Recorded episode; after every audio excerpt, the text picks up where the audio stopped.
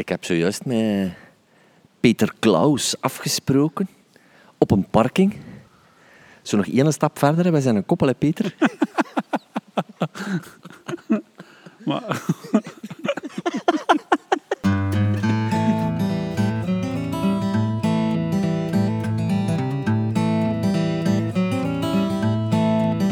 Welkom, beste luisteraars, bij deze podcast over biodiversiteit, gemaakt voor Natuurstudiebureau Corridor. U hoorde zojuist het oorlijke duo Klaus en Begijn bij aanvang van deze episode, want Peter Klaus en ik hadden inderdaad afgesproken en gingen kouten, zoals dat in mijn dialect heet, over de beheervisie van Grenspark Groot Saaftingen, dat na intense studie is opgesteld door Corridor. Grootsaaftingen, dat is 4000 hectare natuur nabij havengebied met verschillende economische, agrarische, maar natuurlijk ook ecologische belangen. En wij van Corridor mochten deze visie uitwerken en daar zijn wij nog altijd trots op. Wat is een beheervisie? Wat zijn de doelstellingen? Hoe ontwikkel je zoiets? Wel, daar krijgt u hier min of meer antwoord op, maar denk vooral niet dat het saai is. Hoe dan ook, natuur ontwikkelen of behouden is in Vlaanderen een serieuze zaak geworden. Maar Peter koos drie diersoorten om de beheervisie meer kleur te geven en te verduidelijken. Hij koos voor de rugstreeppad, de grutto en de argusvlinder om een tipje van de beheersluier op te lichten. Ondertussen bezocht ik ook boswachter Bram, die verantwoordelijk is voor de polders en de havengebieden. En die geeft antwoord op de vraag hoe verloopt dat beheer nu allemaal in de praktijk. Maar eerst collega Peter Klaus. ja, men heeft eh, ja, het initiatief genomen een, aantal jaren geleden hè, om een grenspark Groot Saaftingen eh, eh, op te richten. Dat grenspark eh, situeert zich rond de natuurgebieden in de rand van de Antwerpse haven enerzijds en het verdronken land van Saaftingen aan de Nederlandse zijde van de grens eh, eh, anderzijds. Maar ook wel een heleboel landbouwgebieden die daar rond liggen. En in dat grenspark ehm, wil men gaan, gaan inzetten op meer natuur in de eerste plaats, maar ook ja, een combinatie tussen economie, streekidentiteit eh, met die natuurontwikkeling die daar is. Ah, Wij hadden het daar juist al over het feit dat dat toch wel een bijzonder boeiend kruispunt is, maar mij ook een hele uitdaging lijkt. Wel, ja, het is een, enorm bijzonder gebied, hè, omdat je daar het kruispunt hebt tussen enerzijds ja, een van de grootste havens ter wereld, hè, waar dat havenspecifieke natuur eh, voorkomt. Je hebt anderzijds ja, het, eh, het grootste brakwaterschor eh, van Europa hè, en een heleboel nieuwe natuur eh, die tussen het verdronken land en de Antwerpse haven ligt. Denk maar aan de Doelpolder of de Hedwige Prosperpolder. En ook heel dicht daarbij, hè, ja, ehm, landbouw op misschien wel hè, de meest vruchtbare landbouwgrond eh, die er in de wereld te vinden is. Hè. En ja, dat kruispunt is iets heel bijzonders. En je vergeet dan nog de internationale allure van het gebied. Ja, hè, voor ons was dat absoluut een uitdaging, omdat er enerzijds hè, in Nederland eh, allee, met Nederlandse partij werkte en met Vlaamse partijen. Hè, en de visie op natuurontwikkeling, op hoe dat je naar natuur kijkt of naar natuurbeheer kijkt, ja, verschilt wel sterk tussen hoe dat men dat in Nederland ziet en hoe dat men dat in Vlaanderen ziet. Hè, en eh, in die zin was dat wel een bijzondere uitdaging om eh, ja, die beide ja, nationaliteiten op één lijn te krijgen. Ah, Oké, dan, dan lijkt me dat al een hele boterham om daaraan te beginnen. Corridor was trots dat ze deze opdracht mocht uitvoeren. Eh, ja, want dat was eigenlijk onze allereerste grote opdracht. Hè. Kort na onze eh, oprichting ehm, eh, hebben we die opdracht kunnen binnenhalen. Hè. En dat is voor ons een heel proces geweest waarin dat we heel veel geleerd hebben van ja, hoe doe je dat nu juist? Ehm, eh, maar ook, ja, hè, we zijn daar ook sterk in gegroeid. En onze ja, visie van hoe dat wij dat zouden aanpakken, hè, eh, kunnen inbrengen in een, in een eh, organisatie die eigenlijk wel al heel lang bestaat en met heel veel partijen eh, samenwerkt. Misschien een kort antwoord, maar hoe lang werk je daar dan aan? Um, wij hebben aan dit project eigenlijk bijna drie jaar gewerkt. maar het gaat natuurlijk over ja, een natuurgebied dat samen meer dan bijna 4000 hectare groot is. Um, of meer dan 4000 hectare groot is. en alle landbouw daar rond. heel veel partijen om mee samen te zitten. We hebben heel veel geluisterd, heel veel gediscussieerd. dat uiteindelijk ook allemaal op papier moeten zetten. Um, ja, dat was een, eh, een hele hap werk.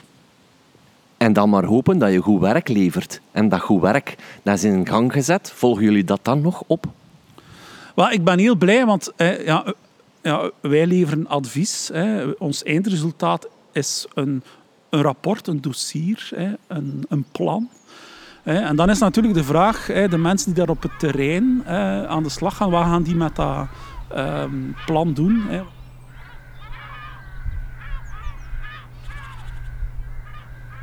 Dus het is ook altijd een beetje de uitdaging. Wat gaat ja, met dat boek effectief gebeuren? Hè? En ik ben heel blij in dit geval, hè, zeker boswachter Bram, die, ehm, dat hij ehm, ja, heel snel ehm, aan, aan de slag is gegaan met, met, dat, met dat plan. En heel veel ja, zaken die we hadden uitgewerkt samen, hè, effectief in uitvoering aan het brengen is. Boswachter Bram van Agentschap Natuur en Bos. Zijn naam is nu al een paar maal gevallen. Die zag ik in het Groot Rietveld in Calo. Dat is een fors rietveld, uniek in zijn soort, waar hij tekst en uitleg gaf over het beheer dat hij daar in de praktijk brengt op basis van zogenaamde doelsoorten. Dat zijn vogels bijvoorbeeld, als de roerdomp, wouddaap en de bruine kiekendief. Nu, hoe complex, maar ook bijster interessant het beheer van zo'n gebied is, liet hij me zien in het Klein Rietveld. Dat is dus een ander gebied waar ik toevallig af en toe kom en waar vogelsoorten zoals blauwborst, roodborsttapuit en zelfs fitissen broeden, dankzij een dijk waarop struweel prachtig tot ontwikkeling komt. Maar in het kleine rietveld is het riet nog niet zo ontwikkeld als in het groot rietveld waardoor de doelsoorten voorlopig achterwege blijven. Bram vertelt met hart en ziel, moet ik wel zeggen, hoe ze dat euvel proberen aan te pakken. Toen ik hier vier jaar geleden begon, dan uh, waren die rietvelden eigenlijk... Uh, ja, dat riet weer begon, begon verdrukt te geraken door willig. Uh, willig is hier alomtegenwoordig, vooral hè, dus omdat het een nieuw rietveld is. dat was heel eil in het begin. Riet is, die willigen zijn daartussen kunnen beginnen groeien. En nu is dat heel moeilijk om die ervan tussen te krijgen. En de manier om die, die willigen weg te krijgen, is door echt periodiek elk jaar opnieuw die willigen eruit te halen. zodat dat riet open blijft, dat dat allemaal dichter en dichter kan komen. En op die manier proberen we die willigen eigenlijk uit dat riet weg te houden. En ik zie, als ik dan zelf naar het Klein Rietveld ga, zie ik regelmatig zo van die rasterwerken tussen dat riet staan. Of dat is misschien juist wat je ons wilt laten zien. Ja, dat klopt. Dus uh, we zagen in het begin, dachten we, nou, dat riet, er is riet aanwezig. Dus dat riet dat kan tot 5 meter uitbreiden per jaar. Dus we dachten van, ja, dat gaat wel goed komen, dat gaat hier heel snel opdrukken. Maar dat bleek dus niet, niet waar te zijn. Dat riet dat bleef op zijn plaats staan, stagneren. En dan zijn we gaan kijken van hoe komt dat. En dan bleek dat eigenlijk door vraat te zijn van watervogels. En uh, vooral ganzen, maar ook meerkoeten zijn zeker niet te onderschatten. Die houden van dat riet. Zeker dat jong opkomend riet dat juist boven het water komt. Dat eten ze heel graag. Maar als gevolg dat die druk, die vraatdruk zo hoog was, dat eigenlijk dat riet geen kans kreeg om dat rietveld eigenlijk uh, in te pakken. We zien hoe dat we daar naartoe kunnen gaan en hoe dat, dat eigenlijk uitgepakt heeft. Want hoe lang zijn jullie daar al dan al mee bezig? Uh, mijn voorganger is ermee begonnen met experimenteren. Mijn uh, voorganger dat was Bjorn, Bjorn de Duitse, dat was de vorige boswachter. Uh, die is begonnen eigenlijk met de grachten, de vroegere grachten in, in, het gebied, om daar een draad rond te zetten. In het begin was die dan ook van boven nog afgedekt. En om, om die, dat riet dat daar aanwezig was te gaan beschermen, dat dat niet zou verdwijnen. Dat was het begin. Maar ja, dat bleek eigenlijk niet zo succesvol te zijn, omdat dat water daar te diep is. Dus dat water is er te diep en dat, dat riet kruipt er maar heel, heel langzaam. Dus dan hebben we gemerkt van oké, we moeten eigenlijk vanuit de slijk, slijkplaten gaan beginnen. En van daaruit op, uh, oprukken eigenlijk. En zo langzaamaan het water gaan, uh, gaan innemen. En dan zijn we begonnen met perimeters te plaatsen met kippengaas. Want uh, dat is ook misschien nog wel interessant om te vernoemen. We staken het in het begin allemaal op de ganzen en de meerkoeten, maar met de, de droge zomers van de laatste jaren bleken de konijnen ook wel heel belangrijk te zijn. Dus de konijnen geraakten erin en die fraten ook allemaal die rietplantjes aan. Dus dan zijn we eerst begonnen met kippengaas rond het bestaande riet te plaatsen. En rond te plaatsen waar dat we riet wouwen, zodat zowel de, de vogels die via het water binnenkwamen als de konijnen die via het land binnenkwamen, dat we die er al uithaalden. En dan zijn we in die grote perimeters zijn we dan met vakken gaan werken van een meter op een meter en zijn we rietplantjes gaan inbrengen. En zoals je ziet gaat zien, dat is uh, enorm aangeslagen ben benieuwd. Ik zie daar al een grote zilverreiger. Prachtig, altijd als je hier komt. Ah, zo schoon. Ja. En ik had het daar ook over de, de, de dijk en daar. Dat, dat is wel aangeplant. Hè. Oh, dat is zo schoon. Dat is goed gelukt. Hè. Heel mooi gelukt, inderdaad. Die bufferdijk, die eigenlijk de buffer is naar de, de expressweg. Eh, die is een tijd aangelegd, heel hoog. En daar is ook helemaal aanbeplant met struiken. En dat is echt helemaal dicht ontkomen. Want dat is, dat, is, dat is zo tof, omdat ik hier al heel lang kom, dat je het ook effectief ziet ontwikkelen. Je ziet het evolueren. En ik had ook wel die rietveldjes in de gaten. Of dacht van, ah, zal het niet lukken of zal het niet goed zijn? Heb je hier dan doelsoorten? Of dat zijn eigenlijk dezelfde als die in het grootrietveld? Ja, dus we hebben hier dezelfde doelsoorten als uh, het grootrietveld. Zoals gezegd, het is één beheerplan. Oké, er zijn wel in beheerplan gecompartimenteerd, rietveld en grootrietveld, naar doelsoorten toe. Maar die doelsoorten, dat is echt verre toekomst. Want uh, zoals je ziet, het grootste deel van het groot rietveld is nog, eh, van het rietveld excuseer, is nog altijd open water. Hè. Daar gaan we natuurlijk die doelsoorten niet aan halen. Maar hier heb je ook woudtaap uh, en dergelijke meer als doelsoort. Ja. Oké, en dan kijken we daar volgens mij uit naar werk van u?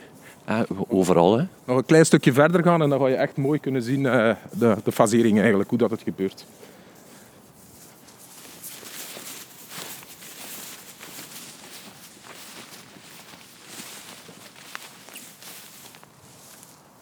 Ja. Ja, schitterend, schitterend. Denk een bende kokmeeuwen die hier zit. Wat brandganzen. Haalscholvers op die paal. Lekker als op een prentje. Grote zilverreiger staat te vissen. Ja, hier zie je jullie werk. Huzarenstukjes. Zeker weten.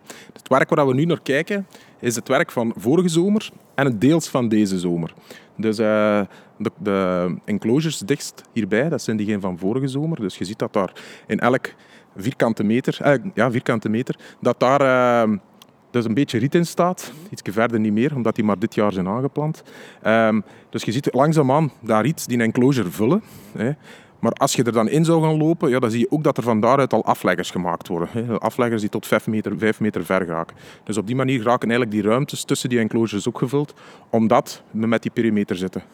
We zorgen ook voor het water. Hè. Is ook met waterpeil moet gespeeld worden. Dat moet iets lager staan in de zomer dan in de winter. Uh, zeker om daar niet ver te laten kruipen, is het goed dat er niet te veel water staat. Uh, dus daar kunnen we gelukkig mee spelen. We hebben hier een regelbare stuw staan uh, die dat waterpeil dan kan regelen. Maar als je dan aan de andere kant gaat kijken, dan zie je wat we twee jaar geleden gedaan hebben. En dan zie je echt, die enclosures zitten helemaal vol. Op de nattere delen ja, begint het riet langzaamaan ook vorm te krijgen tussen de enclosures in. Maar als je dan op de drogere delen gaat kijken, is al geen groot rietveld. En dat was tot drie jaar geleden één slijkplaat. Dus dat is helemaal dichtgegroeid ondertussen. Daar staan nu ook wel willig tussen, dus die moet er nog van tussen al. Ja, dat is wat. Maar dat gaat denk ik de komende tien jaar gewoon een terugkerend eh, beheer zijn. De willigen van tussen het riet halen. Uh, die hebben voet aan grond gekregen. Dus ja, die wortels zitten er. We proberen die er met de boszak uit te krijgen. Zoveel mogelijk wortel eruit te krijgen. Maar zoals een willig is, ja, vanaf dat er een klein stukje blijft zitten, schiet die terug uit. Dus, uh, dus ik vrees dat dat, dat dat iets is waar we rekening mee moeten houden in de toekomst. Dat we dat gaan moeten blijven doen. Dus en als dat riet nu eenmaal, ja, hoe moet ik dat zeggen? Want dat is uiteindelijk een, riet, zorgt eigenlijk voor een soort verlandingsproces ook wel. Hè. Je gaat daar ook in moeten uittunnen. Als er genoeg riet is, is dat dan ook voldoende beschermd tegen konijnen, ganzen, weet ik veel wat? Of, of hoe, gaat het nu verder in zijn werk? Dat is inderdaad waar. Dus uh, het moment dat we echt een, een, een dicht, dicht uh, rietveld gaan hebben, hè, zoals in het grote rietveld, daar hebben we die bescherming niet nodig. Hè, dat, dat riet is robuust genoeg om dat penetreren van die konijnen of van die ganzen tegen te gaan. Je altijd vraat hebben aan de buitenzijde. Uh, dat gaat het er zeker hebben. Als je dan daar zou zien van oké, het is problematisch, kun je dan gewoon één draadje zetten aan de buitenkant om die grens te beschermen. Daar lost dat mee op, dat heb ik in Nederland ook naar gaan kijken. Ja, oh, is niet zo erg, hè. druk bezet man. Dat is goed muziek. Ja, ja zo ziet je, een draadje kan dus al uh, nut hebben. Aan de buitenkant, daar wordt ja. geëindigd, denk ik. Inderdaad. Dus op het moment dat het een robuust rietveld is, dan halen we eigenlijk allemaal die enclosures eruit. Uh, want natuurlijk, ja, daar kunnen vogels in vast komen te zitten. Op het moment dat ze het niet meer zien, dan, uh, dus die moeten weggenomen worden. En dan blijft eigenlijk die perimeter aan de waterkant bestaan. Aan landzijden is die dan ook niet meer nodig. Het is dan enkel langs de waterkanten dat we er wel moeten zorgen dat er die ganzen niet te gemakkelijk inzwemmen, want dan gaan ze weer beginnen, beginnen vreten. Ze mogen erin landen hè, om te nesten en zo, dat mag zeker. Maar we merken dat ganzen vooral eten op water. Ze willen in kunnen zwemmen en dan al, al, al, al zwemmend eigenlijk uh, willen ze eten. Ze gaan dat niet op het land doen, dus dat doen ze niet. Dus ze gaan, hoe moet ik het zeggen, niet tussen het riet waggelen om te eten? Inderdaad, dat gaan ze niet doen. Dat zien we nooit gebeuren. Dus uh, in het begin waren we nog aan het experimenteren met er netten over te hangen en linten over te hangen. Dat waren zo de beginjaren. Ja. Maar dan hadden we ook heel veel slachtoffers, spijtig genoeg, uh, die dan in die netten bleven hangen. Dus ik heb die allemaal laten weghalen en dat blijkt even goed te functioneren. Want ja, je hebt dan wel geen netten nu en daar doen jullie jullie best voor om geen slachtoffers te hebben. Maar als ik dan in de lucht kijk, dan zie ik opeens weer heel wat elektriciteits... Uh, of hoe noemen ze dat? Masten, hoogspanningskabels, ja. Ja, dat is iets waar je geen controle over hebt, hè? Nee, spijtig genoeg niet. Maar ja, die stond er hier natuurlijk al voor dat aangelegd werd. We zijn wel in, uh, in uh, communicatie met die, met die firma, uh, Jandis. En de masten waar we nu onder staan, daar zitten al uh, van die afstandshouders tussen. Ja. En er zitten ook uh, krullen op. Dus deze is eigenlijk al aangepakt. Degene die we er in de verte zien, die wordt vervangen uh, binnen dit en een paar jaar. En daar zullen dan ook vogelkrullen opkomen, om die eigenlijk meer zichtbaar te maken voor overvliegende vogels.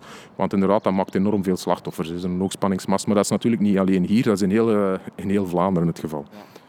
Ja, maar ze vallen wel op als je hier staat, natuurlijk, omdat het zo'n schoon natuurlijk gebied is. En je ziet dan opeens die hoogspanningskabels hangen. En, en dat zou echt effectief zijn.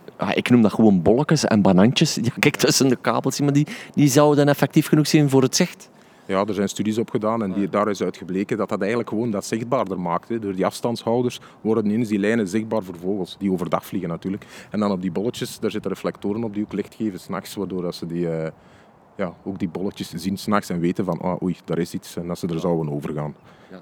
Maar bon, dat is dus iets waar wij geen controle over hebben. Uh, dan moeten we dus laten schieten, zo simpel is het.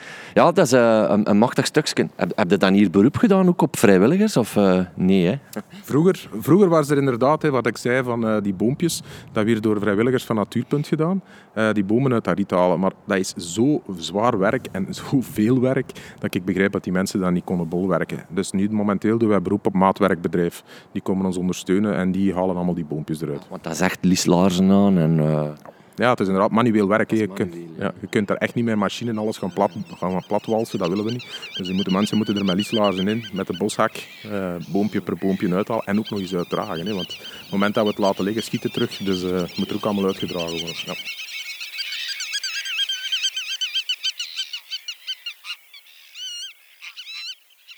Maar ik heb voor drie soorten gekozen. Als het over vogels gaat, zou ik zelf voor de grutto eh, kiezen. Ik, ik vind het een, eh, een opvallende keuze. Enerzijds niet omdat ik u wel ken als de Grutto-man, binnen uw werk als conservator van de Kalkische Meersen. Anderzijds is het niet de soort die ik daar veelvuldig zie. Misschien daarom ook de doelsoort. Maar ja, ik ben curieus. Ja. Uh, wel ja, gaan we beginnen met de Grutto bij hen? Ja. En waarom dat ik de, de Grutto um, uh, kies, hè, dat is um, ja, net een soort die in zijn habitatkeuze net kiest hè, voor een, uh, een, uh, een gebied dat ja, op de grens zit tussen wat echt natuur, hè, klassieke natuur is, en um, gebieden die een agrarisch gebruik hebben. Hè. Um, en dat misschien al veel langer dan wat we nu zien met een bruine kikkendief. Absoluut. Hè. Um, het is echt een soort ook van het landbouwlandschap. Uh, Niet meer het landbouwlandschap van vandaag, maar het landbouwlandschap hè, van eerder vervlogen tijden. En in het grenspark Groot Saaftingen zijn er een aantal uh, gebieden hè, waarop ja, uh, die groep van uh, uh, vogelsoorten, vogels van natte graslanden, wordt ingezet. dat is bijvoorbeeld Putte West, en de Doelpolder. Um, ja, en die soort, wat heeft die nodig? Dat is enerzijds heel veel rust. Hè. Um, die heeft structuurrijke, soortenrijke graslanden nodig waar dat er laat wordt gemaaid. Maar waar dat er wel nog moet, er moet wel worden gemaaid. Uh, het is goed dat daar in het naseizoen uh, voor die beesten koeien in rondlopen. Het is echt een beeld van een, een ouderwets landbouwlandschap dat je daarvoor moet in stand houden. En op die manier zie je eigenlijk ook dat landbouw vroeger ja, meer natuur genereerde, omdat de landbouw anders was. Um, ja, dan is dat haalbaar? Wel, de, het grenswaard Groot is de Gruto de afgelopen jaren sterk achteruit gegaan. Uh, dat heeft te maken met, ja, we, we hebben de uh, Gruto's die er nog waren en andere soorten met hen. Hè. Ik denk dan ook aan de kievit, de klut enzovoort. Hè. Ja, allee, ja, gevraagd te verhuizen naar ja, eilandjes midden in een woestijn van intensieve landbouw en ja, havenontwikkeling. Hè. Um, ja, het Putte West, hè, daar broeden uh, wel wat gruto's. Uh, uh, Doelpolder, daar broeden wel wat gruto's. Maar ja, dat zijn eilanden midden in een woestijn. Hè, wat ze natuurlijk heel vatbaar maakt um, voor allerlei randeffecten. Ik denk maar hè, aan bijvoorbeeld ja, een aantal roofdieren die op zo kleine stukjes natuur plots een gedekte tafel zien. Met, soorten die, zich geen dekking kunnen zoeken omdat ze te, ja, op een te kleine oppervlakte goed habitat uh, leven. Toch wel het probleem in Vlaanderen, denk ik. Hè. Ik herinner mij ooit het verhaal dat jij deed tegen mij over het feit dat Grutto's bijvoorbeeld uh, pakt in Polen uh, op een veel grotere oppervlakte zit, waardoor dat ze dat effect van die gedekte tafel veel minder hebben. Je zei ook al het feit dat je met heel veel actoren rond de tafel moet zitten. Um, ja, hoe, hoe, zie je dat evolueren, die Grutto's? Wel, dat, is een moeilijke, hè? Dat is een hele moeilijke. Hè. Ik denk dat dat twee kanten kan uh, uitgaan, hè, denk ik. ik denk dat ofwel is dat een soort die wij ja, op middellange termijn zullen gaan verliezen. Hè, omdat, dat, omdat die de strijd hè, met het, uh, het antropogene landschap hè, zal verliezen. Ofwel is dat een soort die zich op termijn toch zal kunnen aanpassen hè, aan de voorwaarden uh, die dat antropogene landschap uh, stelt als je naar Nederland kijkt, is het antwoord nee.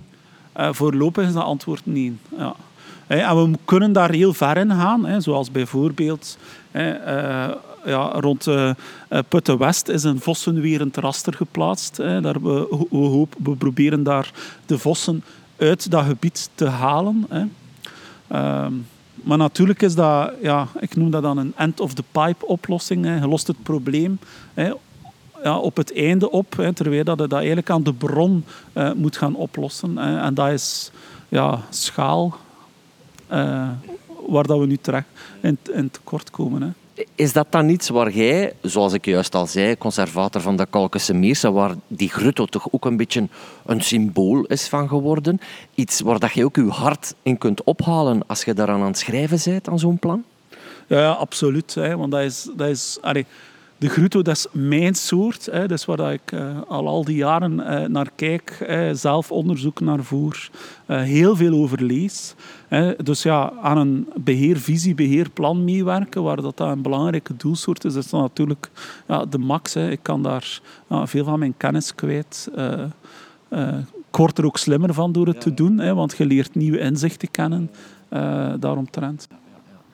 Ah, mooi. Ik denk, moest die Gruto nu wegvallen, hè, laat ons even de apocalyps uh, aannemen, ja, dan blijft toch nog wel altijd, hoe moet je het zeggen, de ontwikkeling van dat soort natuur aanwezig, dat weer goed is waarschijnlijk voor andere soorten. Er zullen hè, altijd soorten zijn die, die zich wel kunnen aanpassen aan het hè, antropogene uh, landschap. Hè. Ik denk, uh, er zijn een aantal soorten ook in het grenspark Groot-Safting het wel zeer goed uh, uh, doen. Denk maar aan de, aan de lepelaar uh, bijvoorbeeld. denk maar aan bepaalde ganssoorten die daar in grote getalen komen overwinteren.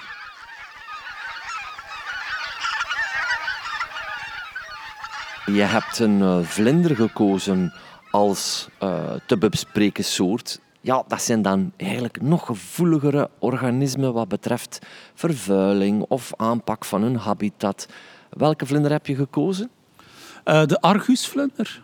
Eh, dat is een, eh, een vlinder uit de groep van de zandoogjes.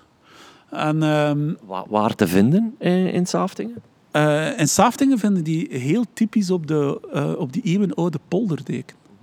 Ga je daar dan ook beheervisie naar toeschrijven? Ah, wel, eh, argusvlinder is zowel in Vlaanderen als in Nederland de afgelopen ja, decennia enorm achteruit gegaan. Eh, die komt nog voor aan onze kust, eh, een beetje in de polders en ehm, in het grenspark Groot-Saftingen. Ehm, en dat is eigenlijk een warmteminnende soort, hè, die graag eh, ja, eh, een warme plekken heeft. Welke vlinder niet? Buiten misschien de grote weerschijnvlinder die in een loofbos... Normaal, hè, maar eh, de argusvlinder nog meer. Hè, en die heeft graag eh, een, een, een overgang van ruigere vegetatie naar eh, ja, plekken zonder vegetatie. En op die oude polder, Weet jij toevallig de waardplant van die vlinder? dat, is, eh, dat zijn grassen. Ja, ja.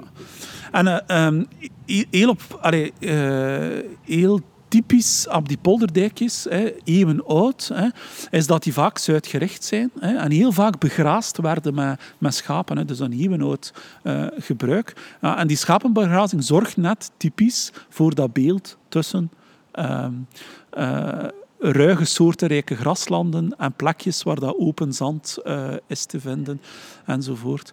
En hetgene wat we in de beheervisie hebben ontwikkeld is van kijk, ja, we moeten een deel van die dijken eh, eh, opnieuw argusvlinder eh, interessant maken. hè. En dat gaan we doen door ja, enerzijds soms eh, eerst in te zetten op eh, verschralend maaibeheer. Hè. En eenmaal dat we in een bepaalde graslandfase zijn terechtgekomen, dat er heel veel bloemen zijn, hè, dan pas ehm, zetten we de stap naar ehm, het herstellen van begrazingsbeheer door middel van schapen.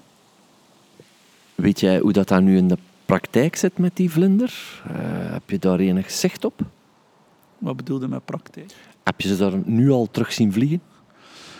Eh, ik heb Ik weet dat je ze regelmatig ziet vliegen, maar... Het gaat over de argusvlinder, hè, Peter? Ik heb die daar eh, al gezien, hè, niet veel, maar mijn collega Rick, hè, of onze collega Rick Behijn, hè, die heeft ehm, eh, zijn masterproef, als hij afgestudeerd is aan de Universiteit van Gent als bioloog, over de argusvlinder eh, in het grenspark Grooft-Saftingen gemaakt. En die heeft een hele ja, ehm, een thesis over eh, de verspreiding en ehm, het, het, eh, allee, het biotoopgebruik van de argusvlinder. Ah ja, en de ecologie misschien ook. Ah, ik, ik ga hem nog interviewen, dus misschien kan ik hem er ook het een en het ander over polsen.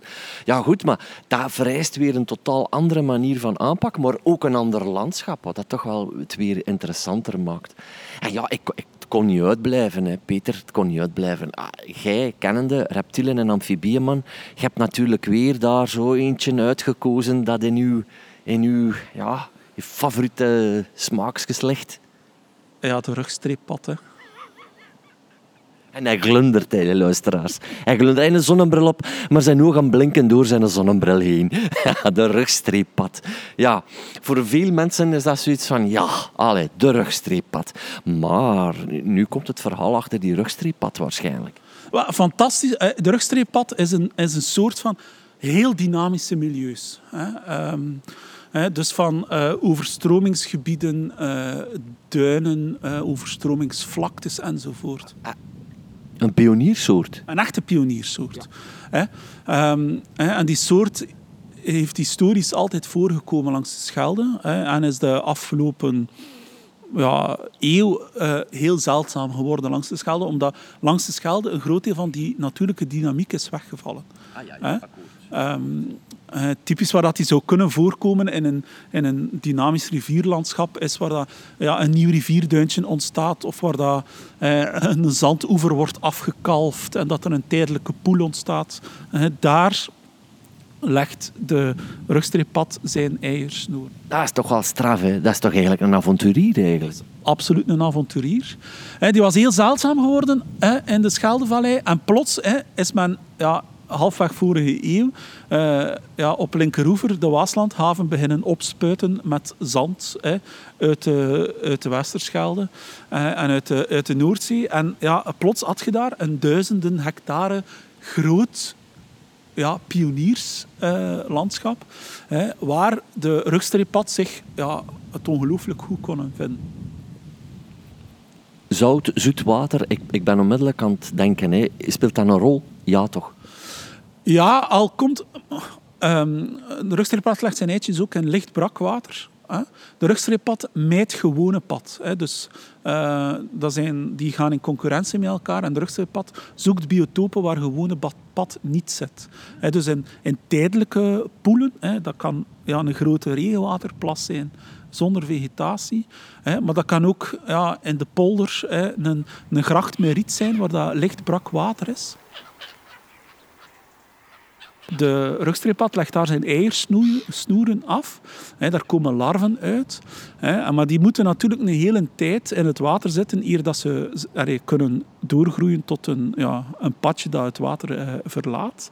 Maar natuurlijk, als het heel droog is, ja, zakt het waterpeil in die tijdelijke plassen ook heel snel. En de larven die kunnen daarop anticiperen door hun uh, metamorfose naar gewone pad te versnellen.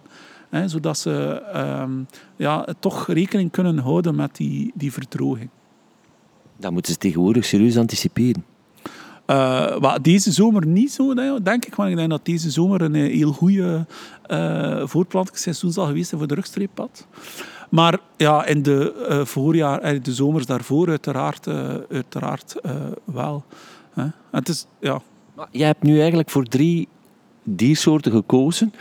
Waar ga je dus deze nu situeren binnen het Saftingen-project?